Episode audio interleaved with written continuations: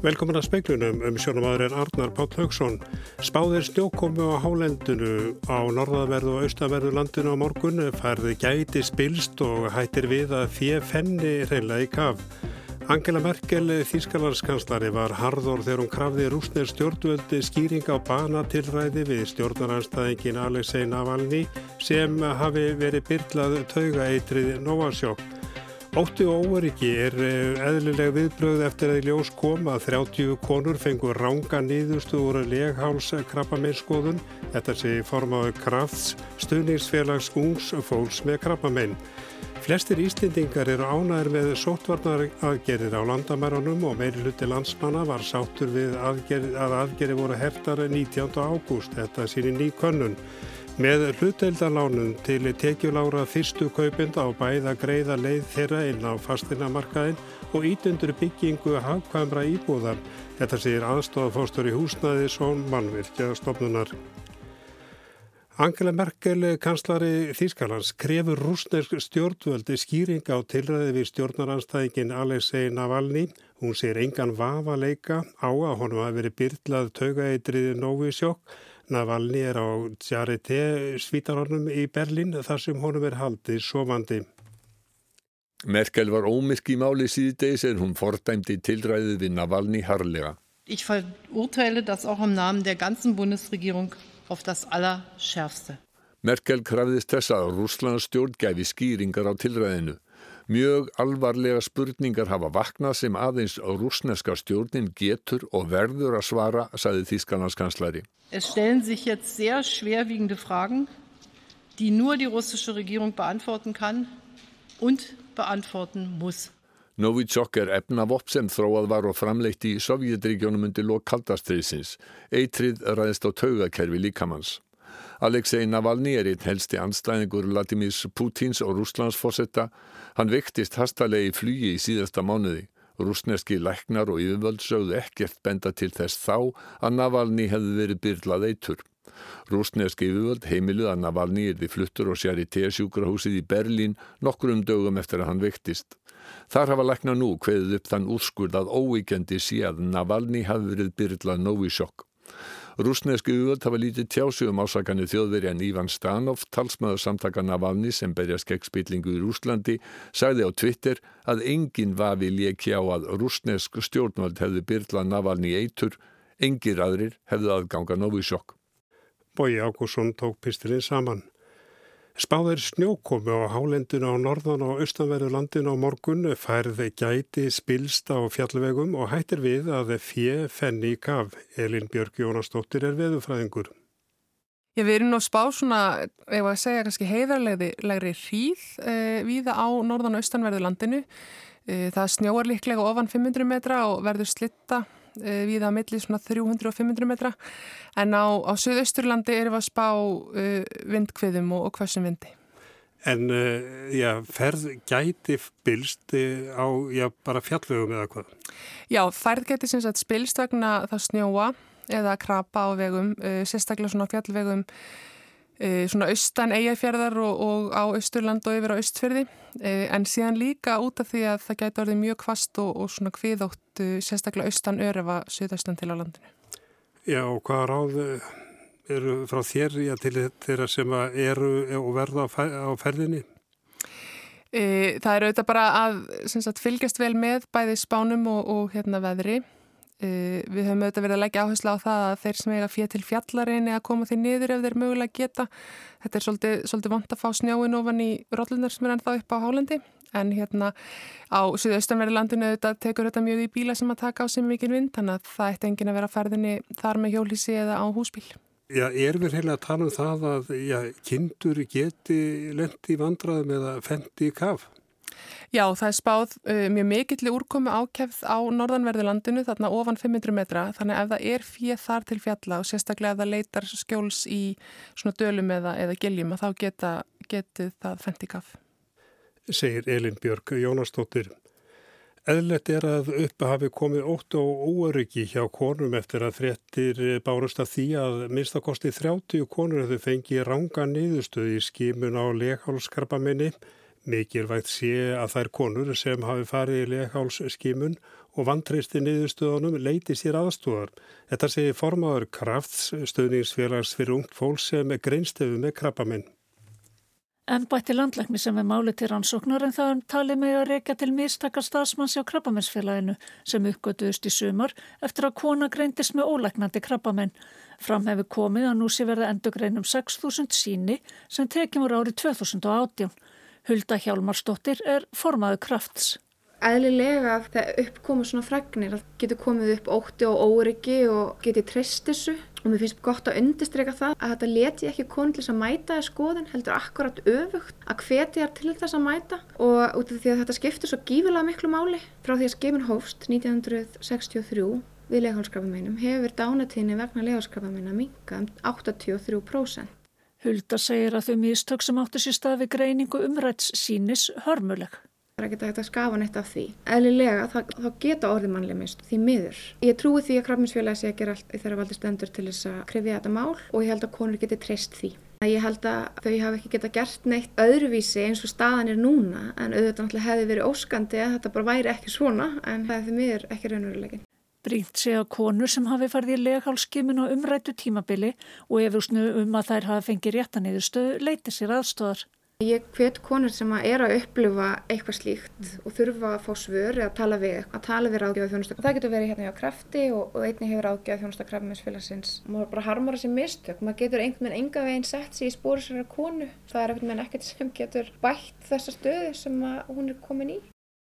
Þetta var Hulda Hjalmarstóttir, Anna Lilja Þórustóttir, talaði við hana. Önnur umræða fennu fram á alþingjum frumvarp barna og félagsmálar á þeirra um hlutdeildalán ríkisins sem eiga auðvelda lálunafólki að koma sér upp það gefur höfuðið. Breytingar á ákvaðum lengti langstíma fór fyrir brjósti á stjórnarnastæðingum.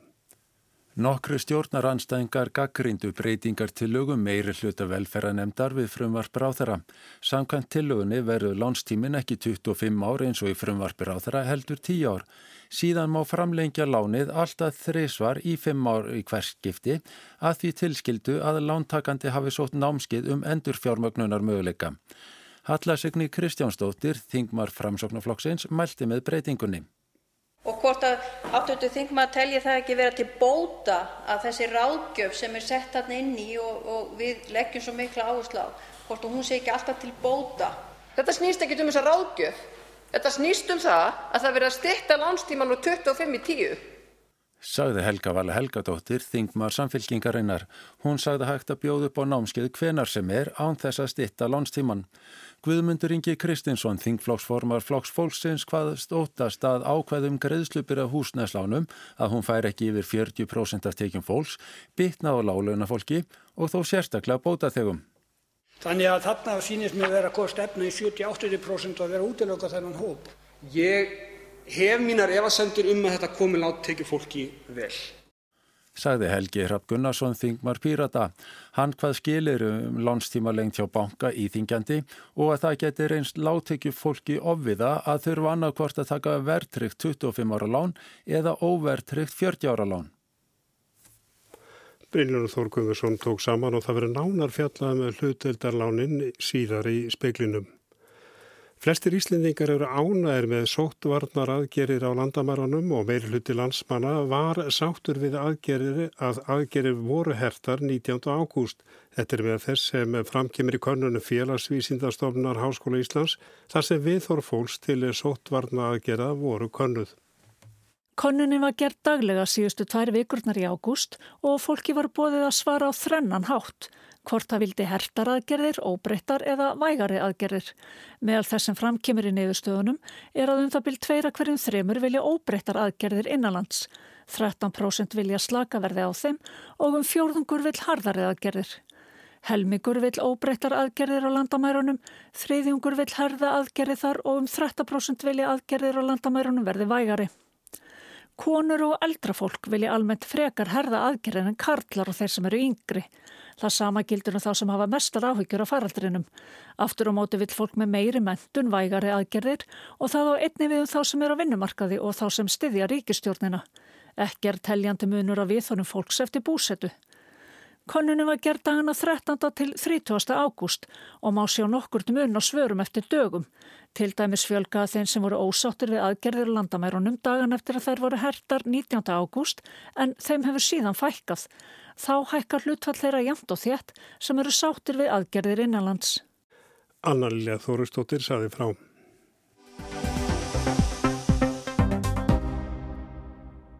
Á alþingi dag var rætt um frumvarp félagsmálar á þeirra um húsnæðismál og hlutdeldar lán sem eiga að auðvelda þeim sem ekki hafa miklar tekjur að kaupa sína fyrstu íbúð.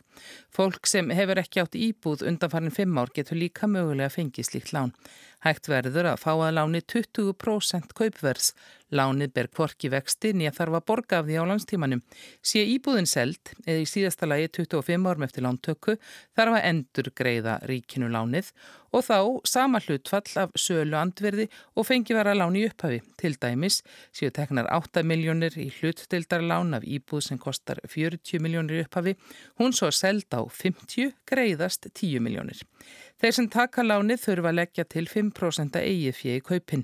Tekjur einstaklings meg ekki vera meiri en 7.560.000 á ári og hjóna samanlagt 10.560.000 að viðbættur um 1,5 miljón fyrir hvert bann fram að 20 heimilinu. Þessi lán eru hluti að framlægi ríkisins í tengslu við lífskjærasamningana. Áallega um fjórum miljörðum króna verði varið árlega í lán vegna kaupa á um fjór til 500 hagkvæmum íbúðum. Þetta verða þá um 3% allara kaupsamninga og 18% samninga vegna nýra íbúða. Þetta hlutfall telur húsnaðis og mannveikjastofnun sem mun sísla með hlutdeildarlánin að sé svo lágt að það hafi ekki áhrif á fastegnaverð. Anna Guðmunda Yngvarsdóttir, aðstóðar forstjóri stofnarinnar, segir að þróunin hafi verið svo að sífælt erfiðara hafi verið fyrir fólk að komast inn á fastegnamarkaðin. Helgast að tennum á segja, annars er það að, að leiguverð hefur náttúrulega verið bara frekar hátt og þá er erfiðara fyrir þennan hópa að leggja fyrir og hins vegar að þá hefur ungt fólk sérstaklega, það hefur bara verið að lækka í raun og veru í tekjum. Þróun hefur verið svo og þróun hefur einnig verið svo að þeim, þeir sem að búa í heima hjá fólkdur sínum e, þeim hefur verið að fjölga. Það er, hefur einst ungu fólki erfiðara að stíga þessi fyrstu skref á húsnæðsmarkaði án þess hreinlega að taka lán sem að eru mjög óhagstætt. Hlutöldalánin, þau í raun og veru eru ætlu til þess að hjálpa ungu fólki og tekjulágu að stíga þetta fyrsta skref, komast inn á húsnæðsmarkaðin Eh, án þess þó að húsnæðskostnaða þeirra verði íþingjandi. Þetta Já. er svona grunnþörf og það er mjög breið samstað um það í samfélaginu að við þurfum að, að aðstofa fólk við, við að hvort heldur sem er að eignast húsnaði eða leiði húsnaði Hlutdeildar lánin eru nokkrum skilurðum háð eins og fyrir sagði bæði hvað var að tekjur lántakanda og að íbúðunar sem keftar eru séu hagkvæmar og nýjar. En hvað má búast við að margir geti nýtt sér þessi lán? Það verða kannski ekki endilega fjöldi umsækjanda sem mun ráða því hverjir, hvað verður margir sem komast inn í kerfi. Heldur verður að fjöldi íbúða sem verður í bóði. Það verður í raun og veru fjöldi hagkvæmara íbúða sem að mun hafa takmarkandi áhrif. Því að það úrræði miða við það að þetta séu nýbyggingar og að umsýðara eða hafkamar íbúðir. Og það er til þess að halda niður, fastegna, niður í fastegnaverðinu og náttúrulega þá í raun og veru húsnæðiskostnaðinum. En hvað er hafkvæm íbúð? Já, stort, stort er spurt. Sjálf uh, við hjá húsnæðismannurskjastofnun við höfum náttúrulega núna nokkra ára reynslu af því að útluta stofnframlegum til almennra íbúða, svo kallara sem eru þá íbúðir sem eru byggðar inn í, inn í hérna, þetta stofnframlega kerfi og það er búið að útluta núna e, yfir, yfir 2000, til yfir 2000 íbúða. Þar hefur við sett ákveðin stærðar og, og hérna, verðmörk e, sem að við munum nota til viðmöðunar en, en þetta á eftir að fara svona vera alveg endanlega útfært hver, hver þau mörk verða og það er bara ráþara og ráðunætið og húsnarsmarkastofnun við erum að vinna í því þessa dagana. Anna Guðmynda segir upplegið síðan stærðarmörkin miðist við herbergjafjölda, ekki fermetrafjölda, svo húsbygjendur hafi svigurum til nýsköpunar, geti fundi leiðir til að byggja hagkvæmt og sé ekki bundnir við fermetraverð. Við erum að slá tvær flugur í einu höggi, má segja. Við erum bæðirum þá að gera það verkum að fólk komist inn á markaðinn en jáfnframt að uh, hvetja til uh, bygging og hafkamara húsnæði. Í upphæfu var lagt til að lánir það aðeins veitt til kaupa á nýjum íbúðum og það nokkuð gaggrínt. Auðvitað er það þannig að þegar allir svona nýr húsnæðstöðningur við verðum alltaf að stíga opuslega varlega tíjarðar og við erum að gera þetta að mjög vel aðtöguðu máli og e, húsnæðsmarkustofnun við bæði höfum við yfir að ráða mjög e, góðri hagdeild sem að fylgist vel með allir í þróunna markaðnum e, og gefur út mánaðarlega skýslur um stöðu á, á húsnæðsmarkaði en það sem að áginnar hafa svolítið lotið að er það að þetta úrræði muni, muni þrýsta upp verði. Þetta munum, þú veist, með þessu munum við fylgjast og þetta er líka ástæðan fyrir því að, að það var ákveðið að takmarka þetta við nýbyggingar. Því að í raun og veru þá erum við að búa til frambóð á sama tíma og við erum kannski búa til ákveðna eftirspurn. Þannig að við erum að reyna að búa til ákveð jafn, jafnvægi þannig að milli. Það hins vegar náttúrulega er að sjálfsögð þannig að á kannski kaldari markasvæðum eins og afskektari byggðum eða á landsbyðunum þar getur alveg komið til þess að það verður ekki byggt og kannski þarf bara ekki að byggja og það er alls ekki ætlurinn að útiloka þau svæði. Þannig að það er núna undan þáa frá þessari nýbyggingareglu sem að sem sagt, heimilar þá að eh, veita hlutöldalán út á landi en e, þá með aðeins öru skilriðum En verði breytingar á högum fólk sem hefur tekið þessi lán, tekjur til dæmis hækki fram á viðmiðum, hvað þýðir það? Það þýðir raun og veru bara það að það, það verður ekki fyrir neftur tíu ár sem að þessi skoðin fer fram. Þá bara tekinn staðan.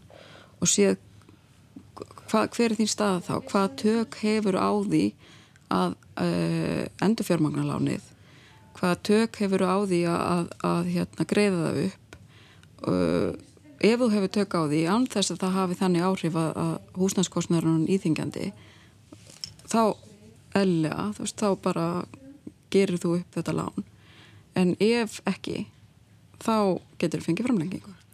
Er allt klárt samt, þannig að það er svo mætt segja. Þannig að þegar, þá og þegar þetta verður samtitt á þingi, að þá verður strax hægt að fara að afgreða lán Í raun og veru er það fyrsta lagi íbúðuna sem þurfa að vera klár. Að það hérna, frambóðið á húsnæðinu að það sé til staðar. Og uh, þannig að ef, ef við bara byrjum þar þá er náttúrulega vissulega veist, það tekur alltaf tíma að byggja hús. Uh, þó vitum við að það, það er eitthvað á markanum sem að, sem að myndi geta líklega fallið undir öll þessi skilirði ég held að sé gert því að laugin takki gildi fyrsta nógumver og ég hugsa að við verðum klár þá. Sagði Anna Guðmunda Yngvarsdóttir, Anna Kristi Jónsdóttir er rætti við hana.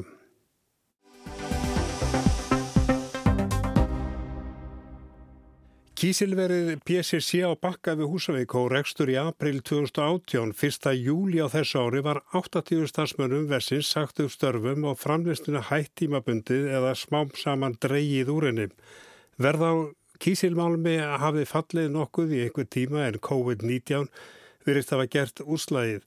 Um 150 manns störfuð hjá PCC þau rúm tvö ár sem versmiðan starfaði. Uppsagnarfrestu starfsmanna er mislangur. Um síðustu mánuðamótt voru til dæmis 103 enn á launaskrá og búist er við að um 40 til 50 verð á launum þó að framleistunni hafi verið hætt. En hvernig horfir þetta við aðalstinni Baldursinni formanni verkefliðsfélagsins framsýnar á Húsavík? Aðalstinni þetta fyrirtæki átt að vera burðarbitin í atvinnustarðsiminni á Norðurlandi en sérðu fyrir þetta verði opnað aftur? Já, ég er bara hérna bynd eh, vonið með það að vera opnað aftur og, og hérna þegar áhrifu COVID hættir, COVID hættir að gæta og, og svona heimsmarkasverði farið upp aftur. Já, ég, er, ég, er, hef mikla trú á því. En er ekki svolítið skrítið að þetta fyrirtæki þurfi svona snöglega að skelli lás? Nei, það, það þarf ekki að vera vegna þess að þetta er, þetta er ekki einhver resjút í heimi, það er að segja að þetta er ekki eitthvað fjárþjóðlegt fyrirtæki, heldur er þetta fyrirtæki sem er í eigu fjölskyldu í Þískalandi og hefur kannski ekki sama burði eins og mörgunur fyrirtæki til að standa þetta að sér en, en eh, og þetta er líka ungt fyrirtæki eins og þú sagði réttilega, þetta fer hér á lagirnar í april 2018 og og hefur verið með framlýslu frá þeim degi og, og þannig að það er, það, það er ekki sjóður hérna greinilega til að verjast þessu álöpi. En hver er eh, staða núna þar fjölmargir að missa vinnuna og hafa mist vinnuna, þriðjungur er íslendingur aðrir útlendingar. Já, hver er staða þessa fólks?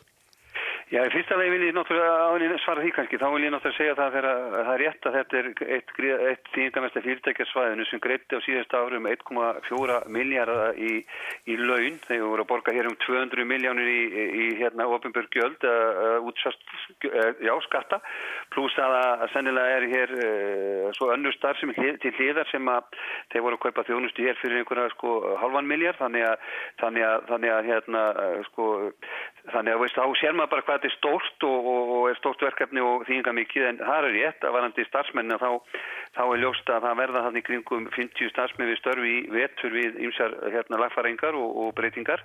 Og hérna að hluta til hafa þessi starfsmenn sem þarna hafa starfað farið úr landi og, og til síns heima því að því miður hefur ekki tekist að manna þetta engungum með Íslandingum með þeim sem búa á Íslandi en, en, en það er, það er verið að vinni því og skoða það bara hérna fara yfir starfsmannamálinu og hverjir hverjir komið til að vinna þarna að fá vinnu aftur og hverjir ekki. Það verður svona ákveðin áallu koni gang hvað það var þar. En uh, það verist þegar eitthvað líf því að þú varst treylega á samverningafundi með fyrirtöngin í dag í tengslu við lífskjara samningin. Það er rétt hjá þér. Var að, við vorum búin að vera hér á, ég er bara núna að sleppa utan, út, út af samningafundi þar sem við erum að ræða frekari þróun varðandi hefni ramma sem að því það að menn ætla að byggja þarna upp öllu á starfsemi og, og það verður að tala um kaupaukarkerfi starfsmanna, auka það og pluss það að, að fara í vinnutímastýtingar sem hefjast núna hjá þeim sem eru við störf núna 1. oktober þar sem að, að vinnutíminn mun fara niður. Þannig að, þannig að það, er, það er ekki verið að ræða með okkur um að skerða kjör starfsmanna, það hefur verið að tala um að bæta kjör starfsmanna og, og hérna, styrta vinnutíman á móti. En það var þó þannig þennan tíma sem að veri var í starfsemi þá gekk resturinn ekkit mjög vel. Eh, heldur að það er eftir að batna? Já, ég, sko það er þannig þetta er, þeir sem tekja til að þá er þetta mjög svona flókin efnaðinnar og þetta hefur, það hefur, uh, þeir að þurft að reyka sér á ímislegt í, í þessum rekstri og þetta er flókin tækni og, og þesta, þessi vesmiða kannski öðru sí tæknumett en önnur, aðrar vesmiðar að segja að það er mikið svona um nýjungar að ræða og, og menn hafa verið að ná alveg tökkunum á því og, og ég hef trúið því að svo reynsla sem hefur orðið til síðustu tvö árum muni fleita fyrirtækinu áfram og þeir muni fara að framlega mjög góða og, og, og vöru þegar þeir byrja aftur. En bara í lokin það tala um að það sé þungur vetur framöndan. Já, hvernig horfður þetta við þingæðingum? Já, ferðarþjónustan líka í algjöru lámarki? Já, það er sko, eða, sko, það þarf ekki að taka sjálf þessi þingaengan eitt sko sérstaklega út úr þessu nema þá að höggi okkur er náttúrulega uh, bakki sérstaklega en ferðarþjónustan mun eiga erfitt í vetur og það er alveg ljóst og ég held að allir búið svo undir það að, að veturinn verður erfur og menn eru kannski að sjá og, og vonandi sem fyrst til sólar en ég held að menn kannski sé að sjá til sólar með vorunu næsta og, og það er alveg ljóst að það eru samdráttur allstað og ég ger ekkit annað þessa dagana heldur en vera nánast að fundum með stjórnundu fyrirtæki og starfsmunum þar sem menn eru að reyna að þjappa eða svona allar sér að standa saman í því að, að reyna að láta þetta ganga en, en þetta verður og er mjög erfitt, það er bara þannig. Aðstætt Baldursson, formaður framsýnar, þakkaði kælega fyrir.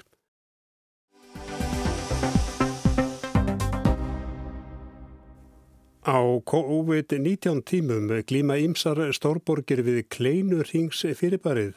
Dauðar miðborgir eru ný umsvið í öðrum og en ný umsvið í öðrum hverfum. Í Breitlandi hefur ríkisjónni kvart fólk til að fara aftur í vinnuna líkt og það væri þekkskilda að bjarga miðborgum. Aðri telja þetta enn eitt dæmi um að veirufaraldurinn ítundru þróun sem var þegar hafinn.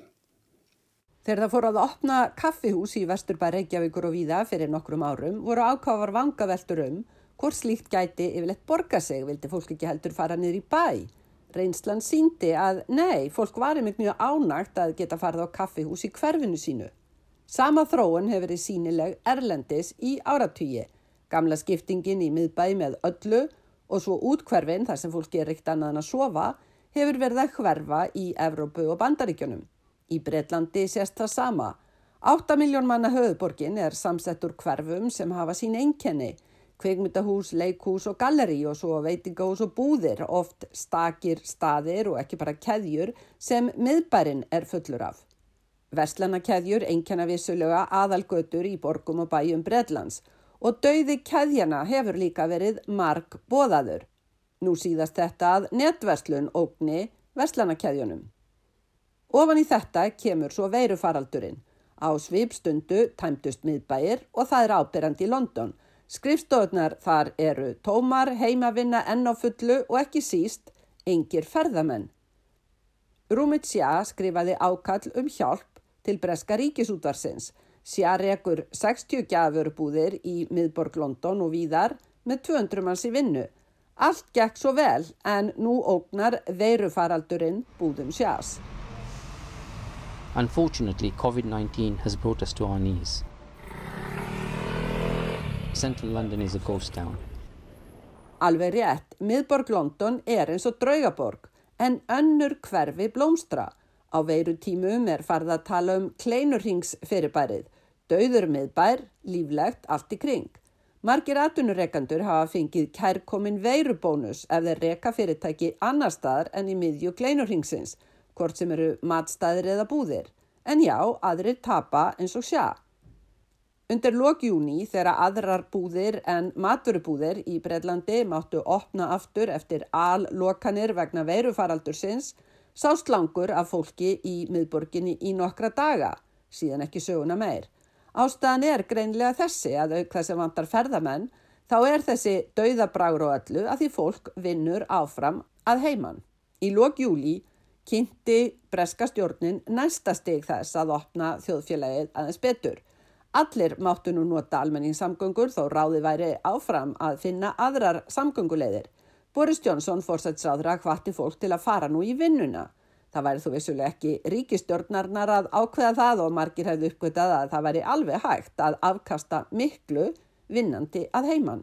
But it's not for government uh, to, to, to make that decision. If, if people are, are very productive at home, and I think there's been you know, a huge amount of, of people have discovered a lot of different ways of working in the last few months and some people have been extremely productive. Mikið rétt, bæði atvinnureikandur og launþegar hafa átt að sig á að það eru kostir við að vinna heima og fólk situr heima sem fastast.